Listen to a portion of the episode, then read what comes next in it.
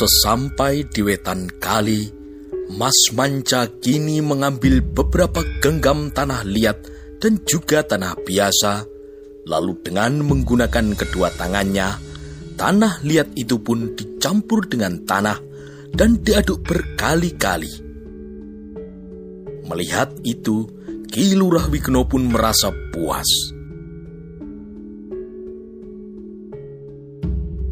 Tanah liat di sini cukup baik untuk dibuat batu bata, kata Kilurah Wiguno. Saya akan mengaduk tanah liat ini agak banyak, kata Kilurah Wiguno sambil meminjam sebuah cangkul yang dibawa oleh salah seorang yang ikut gugur gunung. Kilurah kemudian mencangkul tanah liat itu beberapa kali dan setelah tanah liat itu terkumpul agak banyak, lalu kemudian dicampur dengan sedikit tanah dan diberi air yang diambilnya dari sungai di dekatnya dengan menggunakan bumbung yang dibawanya. Setelah itu, hasil campuran itu pun diinjak-injak untuk mendapatkan kekentalan yang cukup. Campuran tanah liat ini diberi sedikit air. Jangan terlalu encer, jangan pula terlalu padat. Sebaiknya dibuat lunak seperti ini, lalu diaduk dan diinjak-injak. Setelah itu, tanah liat yang sudah diaduk dimasukkan ke dalam cetakan bata, kata Kilurah. Mas Manca kemudian ikut menginjak-injak tanah liat itu bersama Kilurah sampai tanah liatnya siap untuk dimasukkan ke dalam alat pencetak bata. Kilurah Wiguno mengajari mereka mencetak tanah liat dengan menggunakan beberapa cetakan bata yang dibawanya dari kota raja. Nanti setelah dilepas dari cetakan, batu bata mentah ini kemudian dijemur di bawah sinar matahari sampai kering. Setelah kering, nanti batu bata yang masih mentah itu akan dibakar. Kata Kilurah Wiguno menjelaskan. Untung saja saat ini adalah musim kemarau, sehingga nanti tanah liat yang dijemur itu menjadi cepat kering. Kalau di musim penghujan, kita pasti akan kesulitan menjemurnya. Lanjut Kilurah. Mas Manca pun kemudian ikut mencangkul tanah liat itu bersama beberapa orang. Mereka pun juga menginjak-injak tanah liat itu, kemudian menyiramnya dengan sedikit air agar tidak terlalu padat. Sementara itu, di tempat yang lain, kuda-kuda Kiwuragil dan Joko Wilo beserta tiga orang temannya telah memasuki desa Pengging. Ketika Kiwuragil melihat seseorang yang sedang berjalan, maka Kiwuragil pun menghentikan kudanya, kemudian bertanya, Kisana, badin derek perso, di manakah rumah Kitruno Ompak yang rumahnya di daerah Pengging? Tanya Kiwuragil. Oh, Kisana lurus saja, Nanti sebelum umbul pengging, ada rumah yang halamannya banyak terdapat batu. Itulah rumah Kitruno Ompak, kata orang tersebut sambil tangannya menunjuk ke arah umbul pengging. Baik, terima kasih Kisana. Lalu Kiuragil pun melanjutkan perjalanannya menuju ke arah umbul pengging. Kaki-kaki kuda pun berderap kembali menuju rumah Kitruno Ompak yang semakin dekat. Ketika laju kuda hampir sampai di umbul pengging, terlihat sebuah rumah di tepi jalan yang di sudut halamannya terdapat beberapa batu yang berserakan. Maka kini Ki Wuragil dan rombongannya membelokkan kuda memasuki halaman rumah tersebut. Di sudut halaman, di bawah sebatang pohon, ada seseorang yang sedang duduk bekerja memukul dan meratakan sebuah batu. Ketika dilihatnya serombongan orang berkuda masuk ke halaman rumahnya, kemudian turun dari kudanya, maka orang itu pun berdiri dan menyambutnya.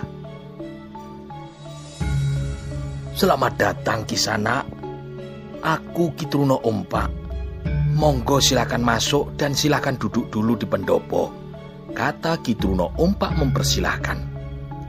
Kini Ki Wuragil pun duduk di pendopo berhadapan dengan Ki Truno Ompak. Sedangkan keempat orang yang lain berada di belakang Ki Wuragil. Nama saya Ki Wuragil. Saya ke sini diutus untuk menemui Ki Truno Ompak dan ini semua ada hubungannya dengan titah Kanjeng Sultan Trenggono. Lalu Ki Wuragil pun menerangkan tentang pembuatan dalam Kadipaten Bajang yang sekarang sedang dikerjakan. Jadi, nanti Karebet yang akan menjadi Adipati Pajang? Tanya Kitruno Ompak sambil tersenyum.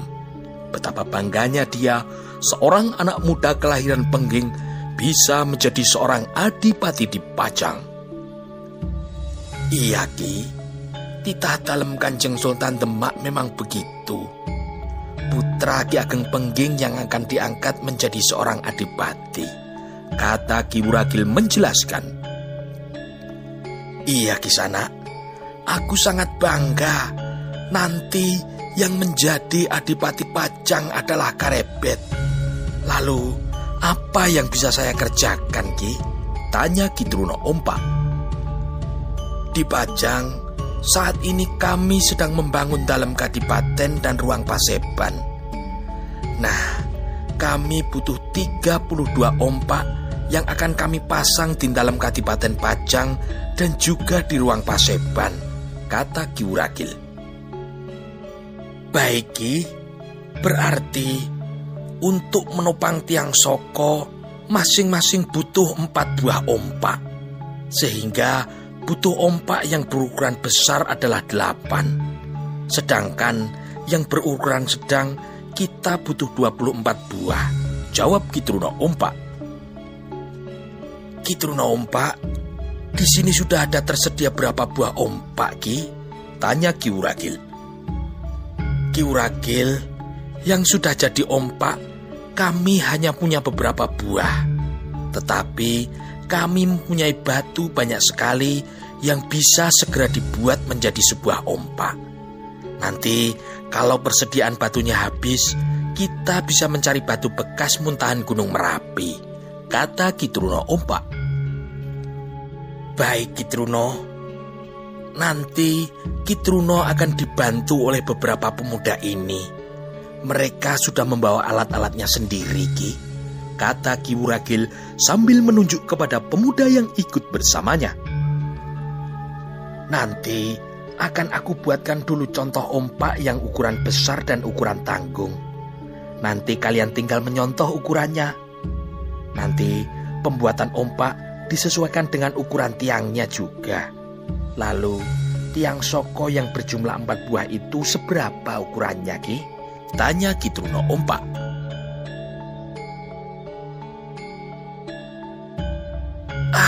Aduh, kata Ki Wuragil menyadari kesalahannya. Nanti aku tanyakan kepada Ki Lurah dulu Ki, seberapa ukuran kayu soko yang akan dipakai untuk dalam kadipaten. Baik, biasanya kayu soko yang dipakai adalah sebesar sepelukan orang, kata Kitruno Ompak menjelaskan. Ya, mungkin ukurannya sepelukan orang Ki, kata Ki Wuragil sambil menganggukkan kepalanya. Nah, sekarang marilah kita mulai membuat ompak. Saya punya beberapa alat untuk membuat ompak. Nanti Ki Wuragil bisa menggunakan alat-alat yang ada di sini juga. Ajak Ki Truno ompak. Mereka pun kemudian keluar menuju halaman dan mulai bekerja membentuk batu menjadi sebuah ompak. Sementara itu, Karebet yang berada di gubuk pun kemudian ikut bekerja bersama orang-orang Pajang menimbun tanah di lokasi dalam kadipaten. Ketika matahari sudah mulai meninggi, maka Karebet pun kemudian kembali ke gubuk, mengambil seekor kuda, lalu berkata kepada Tumpak, Tumpak, aku akan berkeliling ke tempat yang lain. Lalu kepada Banu pun ia juga berkata,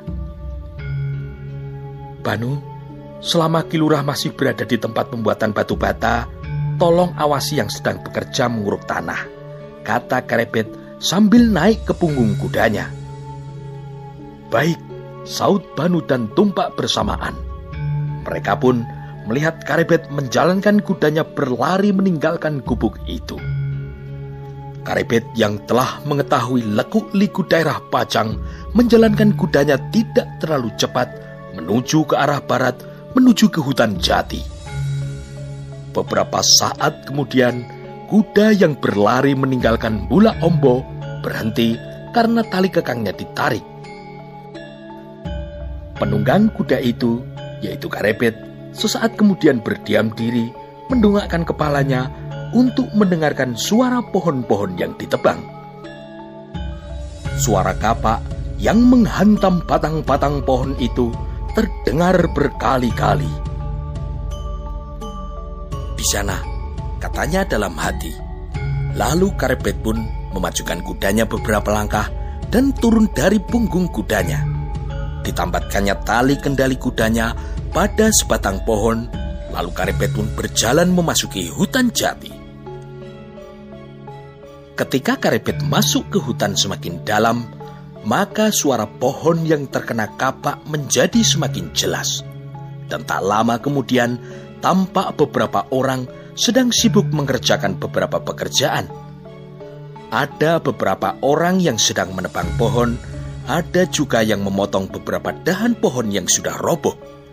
Di atas tanah tergeletak tiga batang kayu yang sudah dirobohkan berukuran hampir sebesar sepelukan orang. Berbatang-batang kayu jati kini sedang dipotong, dibuat menjadi panjang yang sama. Ini untuk Soko. Dalam kadipaten butuh empat buah tiang. Sedangkan untuk ruang paseban butuh empat tiang juga, kata orang yang memotong kayu itu kepada Karebet. Ketika Karepet melihat ada seseorang yang sedang duduk kelelahan setelah menebang sebuah pohon dan sebuah kampak tergeletak di sampingnya, maka Karepet pun menghampirinya, kemudian meminjam kapak itu. Dengan sebuah kapak di tangan, Karepet pun ikut memotong cabang-cabang pohon yang masih terdapat di batang pohon yang tergeletak di atas tanah. Matahari kini merayap naik hampir mencapai puncak langit. Tetapi Karebet masih berada di hutan jati, bekerja memotong pohon bersama belasan orang lainnya. Kesibukan ternyata tidak hanya terjadi di Bajang saja, tetapi juga terjadi di daerah Kalinyamat, Prawoto maupun Jipang.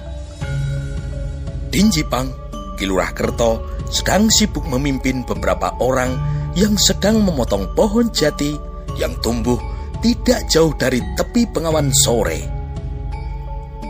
Aryo Penangsang di hari itu dengan naik kuda yang gagah berwarna hitam yang bernama Gagak Rimang mengunjungi puluhan orang yang sedang memotong pohon jati.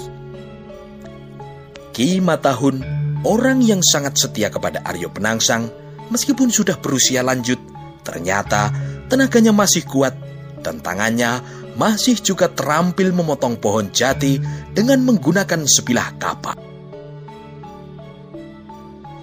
Ketika Aryo Penangsang melihat rakyat Jipang gugur gunung dalam membangun dalam kadipaten, maka ia pun turun dari punggung kudanya, kemudian menyingsingkan dengan bajunya, ikut bekerja memotong pohon bersama puluhan rakyat Jipang. Ketika dilihatnya Aryo Penangsang ikut bekerja memotong kayu, maka Kimatahun pun perlahan-lahan mendekati Aryo Penangsang. Raden, kata Kimatahun perlahan-lahan. Aryo Penangsang pun menoleh. Ada apa Paman Matahun? Mohon ampun Raden, apakah tidak sebaiknya ketika kita semua sedang sibuk bekerja begini, Raden Penangsang bisa memanggil adik Raden untuk membantu, kata Kimatahun. Adikku, Aryo Mataram. Ah, dia adalah seorang penakut, Ki, kata Aryo Penangsang sambil tetap bekerja memotong dahan. Itu dulu, Raden. Sekarang Raden Aryo Mataram sudah berbeda dengan yang dulu. Ia sekarang sudah menjadi seorang pemuda pemberani, kata Kimatahun. Kenapa aku di sini sudah beberapa hari dia tidak muncul di rumah, Ki? Tanya Aryo Penangsang. Sampai saat ini, mungkin Raden Aryo Mataram belum tahu kalau Raden berada di Jepang, kata Kimatahun. Lalu, di mana dia sekarang, Paman? Tanya Aryo Penangsang. Dia sedang berlatih Aji Joyo Kawijayan di hutan sebelah timur, di seberang pengawan sore. Kalau Raden Aryo Mataram berada di sini, paling tidak tenaganya dapat digunakan untuk membantu kita, kata Kimatahun memberi pertimbangan.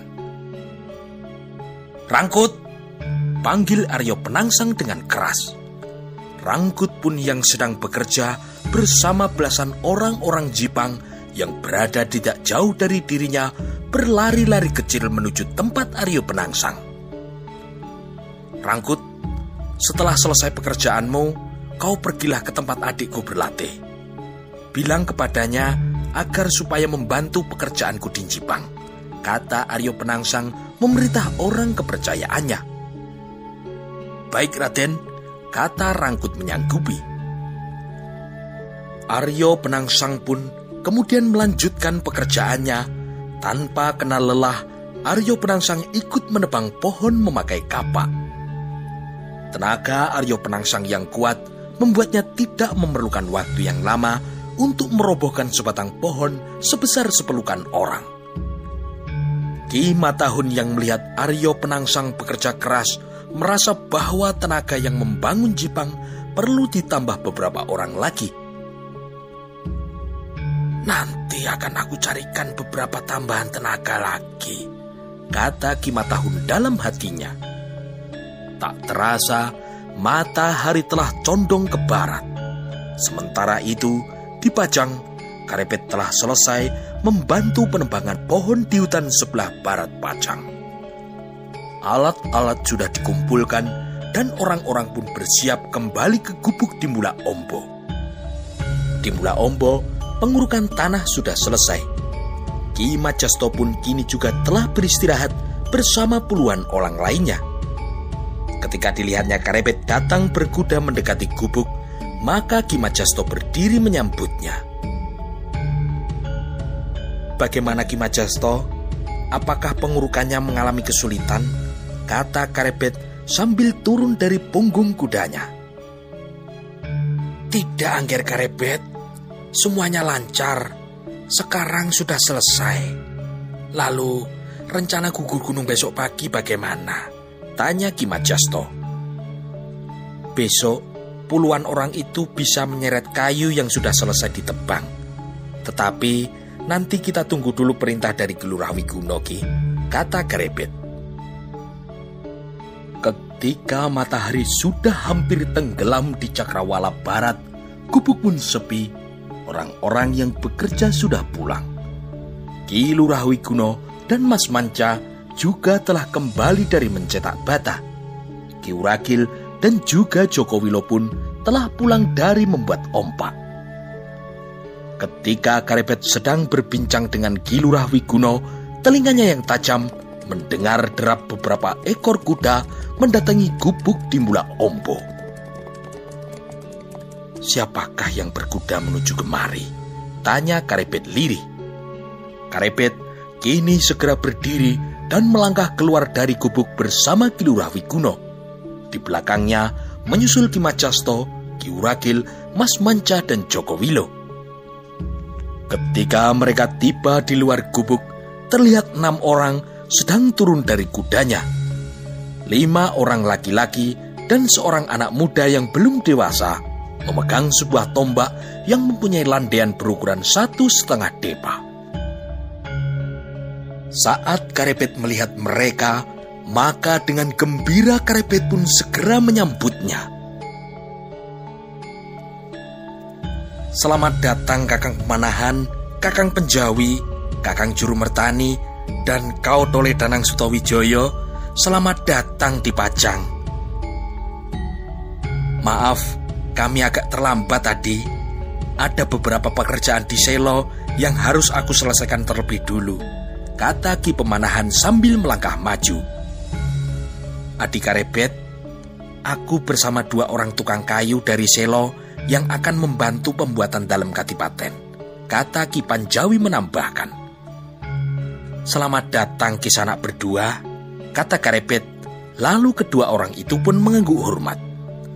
Lalu oleh Karebet, mereka semua diperkenalkan dengan Ki Lurah Wiguno, lalu kepada Ki Majasto, Ki Wuragil, Mas Manca, dan Joko Wilo.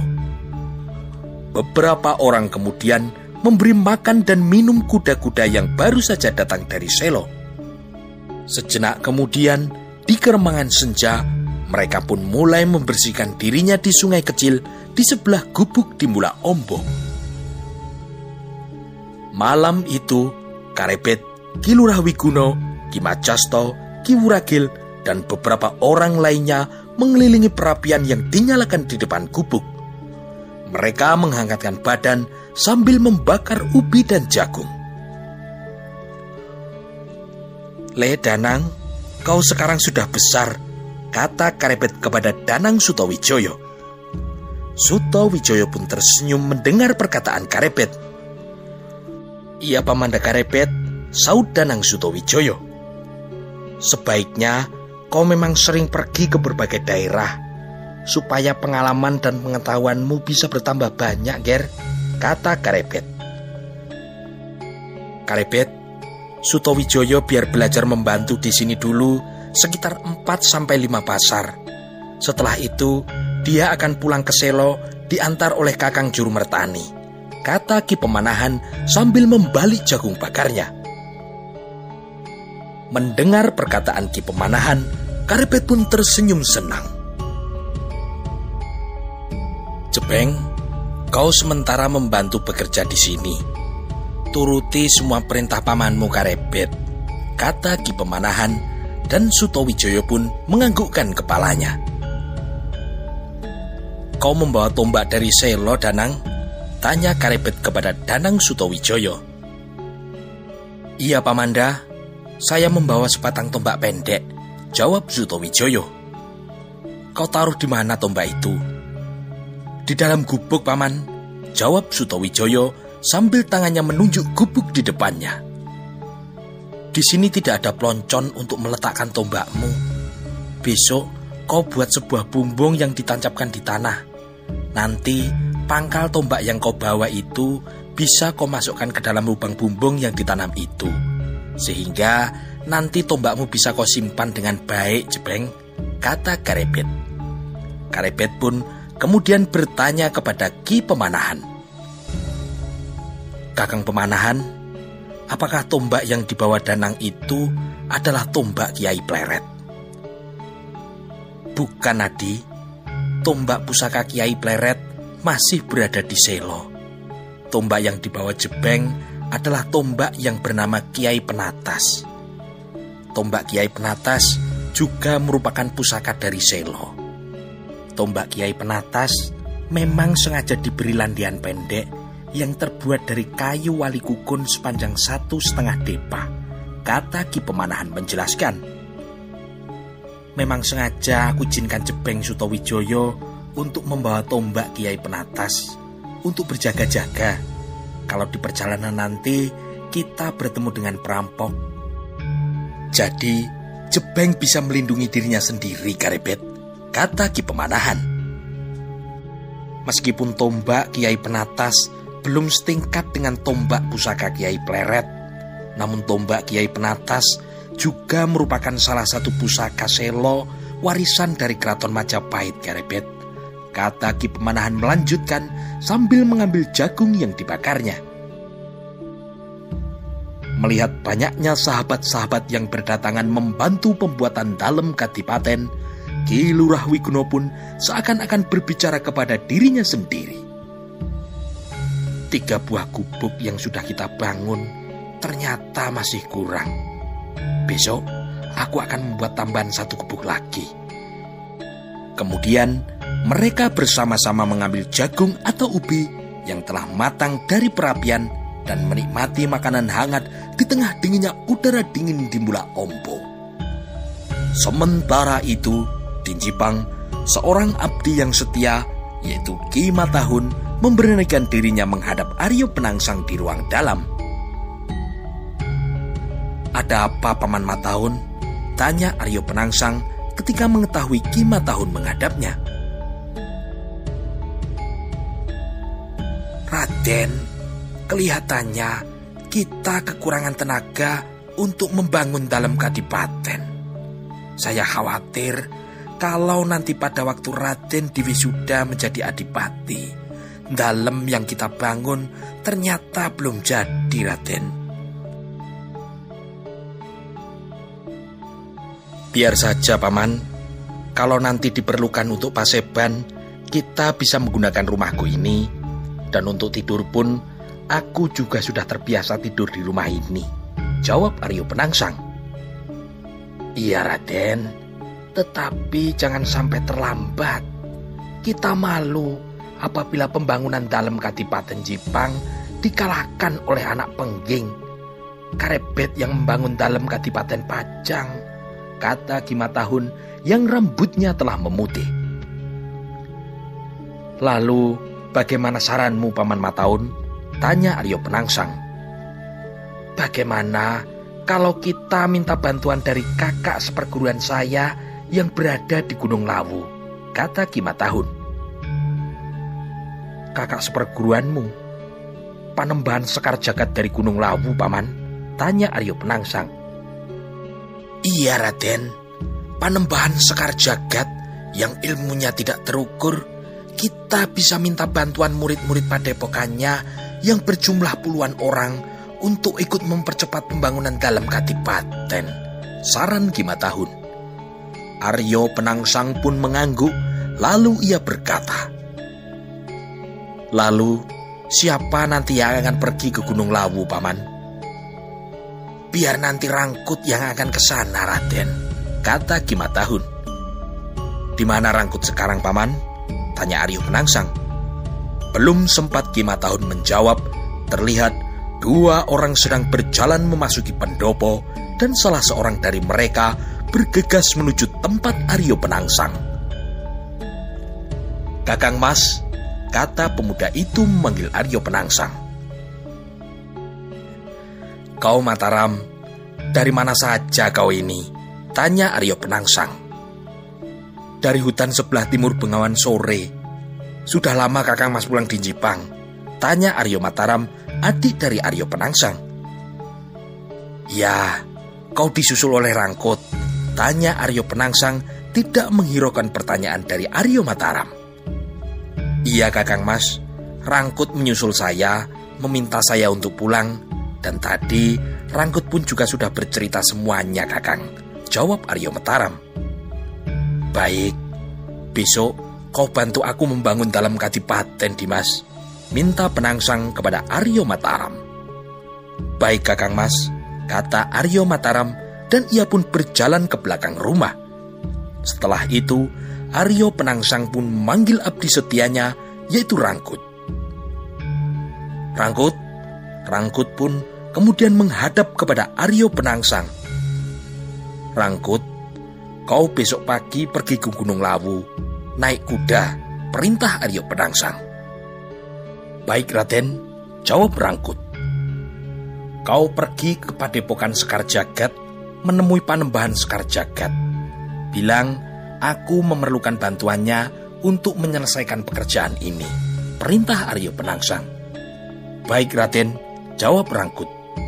Ki Matahun pun menambahkan. Rangkut, kau ceritakan semuanya kepada Panembahan Sekar Jagat.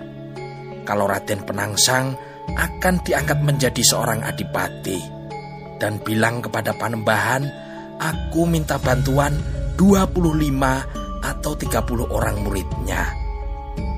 Baik Paman Mataun, kau berangkat pagi hari saja setelah matahari terbit rangkut, kata Aryo Penangsang menambahkan.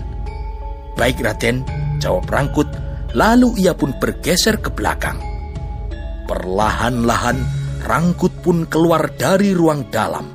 Di belakangnya menyusul Kima Tahun. Malam semakin larut. Kegelapan kini menyelimuti seluruh bumi Demak. Hanya sesekali terdengar suara binatang malam.